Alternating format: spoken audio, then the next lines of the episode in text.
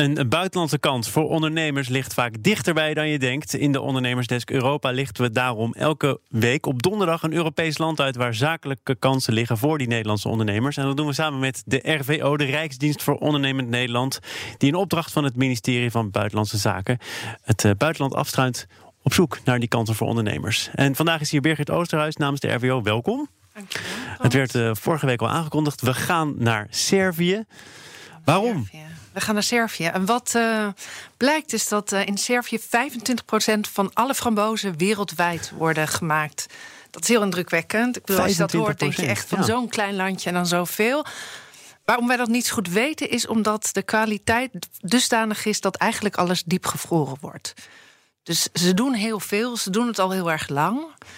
Maar de kwaliteit kan een stuk beter. Ja. En uh, vandaar de kans.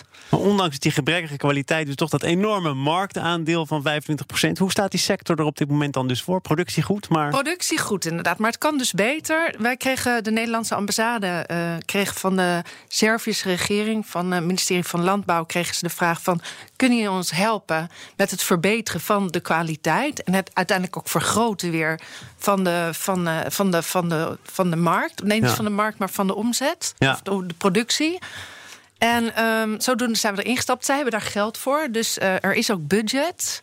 Omdat ze gewoon, ze moeten moderniseren. In de 50 jaar dat ze nu echt goed frambozen daar maken, werken ze nog steeds eigenlijk met dezelfde, maar dus nu verouderde technieken, oude struiken. Um, ze binden niet goed de frambozen bijvoorbeeld op. Dat schijnt bijvoorbeeld voor de oogst weer heel goed te zijn. En uh, in Nederland kunnen we dat echt heel erg goed. Ja, want je hebt dus naast de zaken die wel goed geregeld zijn... de, de, de randvoorwaarden, regen, zon, goede grond... is allemaal voorradig in Servië. Ja.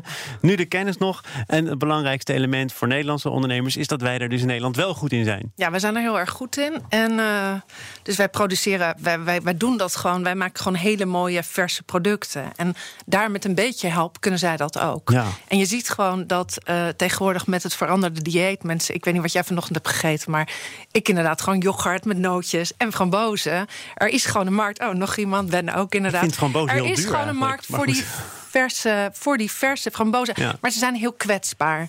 Maar dus, jullie willen dus eigenlijk Nederlandse ondernemers daar laten ondernemen of laten helpen? Nee, we zijn echt in eerste instantie op zoek naar kennis dat kan natuurlijk ook best wel dat iemand dan denkt van ik ga het daar doen omdat ik in Nederland niet meer de ruimte heb. Maar wij gaan uit van kennis en we gaan voor een cluster aanpak. Dus wat, wat we als uiteindelijk die de oogsten gaan vergroten, dan moet dat ook op transport worden gezet. Nederland zijn goed in koeling. We hebben fantastische systemen om te verpakken, want het is heel kwetsbaar. Dus wij zijn nu eigenlijk op zoek naar een soort clusters van bedrijven, specialisten, die Ja. gezamenlijk met ons daar naartoe gaan om daar kennis te maken met de, uh, met de Servische counterparts.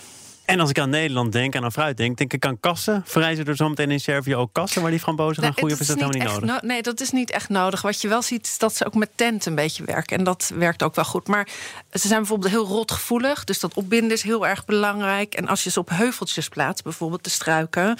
dan kunnen ze veel minder uh, regen bij de wortels. En dat is bijvoorbeeld ook iets... Maar als je kijkt naar hoe ver wij zijn met biologische... Uh, productie, dat kennen ze daar eigenlijk Nee. nog helemaal niet. Dus dat is ook iets waar we gewoon een goede slag kunnen slaan. Maar Birgit, hebben jullie al voldoende bedrijven die geïnteresseerd zijn? Want dat is toch een belangrijke rol van jullie organisatie? Nou, wat wij hebben gedaan is, uh, wij kregen dus dat verzoek van de overheid, van het ministerie van Landbouw in Servië. Vervolgens hebben wij een studie gedaan naar van wat is dan de haalbaarheid, waar hebben we het over? En dat is een Servië, uh, dus eigenlijk van de hele Balkan is die studie gedaan. Het gaat niet alleen om frambozen, het gaat ook om uh, blauwe bessen. En het gaat om aardbeien. Zacht fruit. Ja, Zo heet die dat. dus. Ja, ik vind blauw best dan niet echt heel zacht, Oh, maar nee. dat hoort er wel bij. En wat we willen gaan doen is gezamenlijk, dus als groep, mensen daar naartoe brengen en daar in contact gaan brengen. Dus, de, dus er is nog heel veel mogelijk. Want ik heb onlangs geleerd van, uh, dat de RVO ook gaat over de handelsmissies, toch? Ja, we gaan ook dat over de handelsmissies. Dat wist, dat wist ik als ondernemer ja. niet. Nou, dat vind ik heel fijn dat je dat Ja. zegt, want inderdaad. En we zoeken vooral vrouwen die meegaan op handelsmissies. Ja. En ik zag je en ik dacht, ik moet je daar eigenlijk wat over vragen. Maar dat gaan we eventjes na de uitzending doen. Oh, Oké. Ja. Laten we toch nog heel even bij Servië Sorry. blijven. Want uh, wij horen hier ook wekelijks: moet je nou wel of niet zoenen? En hoe moet je je kleden? Ja. Hmm. Moet je hard of zacht praten? Servië, de do's en de don'ts. Ik ben nog nooit in Servië geweest, maar je, ze schijnen te zijn te vergelijken met Italianen. Dus ze zijn vrolijk, ze zijn energiek, ze zijn gastvrij. Intimiderend. Ja, voor jou misschien. ik vind nou ja, het wel heel prettig. Me, ik kan me wel voorstellen dat je soms denkt uh, van al die handgebaren en luide stem. dat je denkt, poeh, uh, we zitten nee. gewoon in een normaal gesprek bezig, ja, of niet? Klopt. Nee, ze verheffen wel hun stem. Ze zijn gewoon heel temperamentvol. En dat kan Nederlands afschrikken. Doe dat vooral niet. Nee. Dus dat is een van de dingen. En waar niet je al te planmatig te werk gaan als je een afspraak wil maken, geloof ik. Nee, je moet inderdaad gewoon. Uh, je kan best drie weken van tevoren een afspraak maken. Maar zorg dat je dan een paar dagen van tevoren nog even belt en zegt: hey, staat de afspraak nog? Want het kan best zijn dat hij dan per ongeluk toch uit uit uh, de agenda is verdwenen. Maar uh, ja, dat is, dat is uh, Zit eer. En tijd is daar ook een beetje een rekbaar begrip. Dus je kan wel om 12 uur gaan lunchen, maar soms is het pas om 4 uur. En daar moet je ook wel een beetje tegen kunnen. Dus je moet niet heel zenuwachtig worden als je niet om 12 uur een boterham krijgt. Nog één ding dat ik wil weten is: Servië is volgens mij geen lid van de EU. Nee, nog niet. Maakt het dat ook lastiger? Is er weinig geld beschikbaar vanuit de EU? Je hebt natuurlijk die structuurfondsen. Daar heeft Servië natuurlijk geen aanspraak op te maken? Nee, klopt. Maar we proberen wel ze alvast voor te bereiden. Dus er zijn wel potjes. Goed. Bij RVO. Als we het hebben over uh, de rol van de RVO bij de handelsmissies. Uh, volgende week gaan we volgens mij naar Ierland, hè? Ja, we gaan naar Ierland. Samen met ja. uh, de koning en de koningin. Dus dat heeft dan ja. ook alles weg van nou, een die handelsbezoek. gaan dan nog niet. Maar wij, gaan even nee. voorsorteren op de reis die gaat komen. Wij zijn inderdaad. er gewoon eerder. En de kans, wij, wij doen even de sneak preview Des inderdaad. Hier gewoon bij BNR. Wauw, goed gesproken. Birgit Oosterhuis van RVO Nederland. Dankjewel.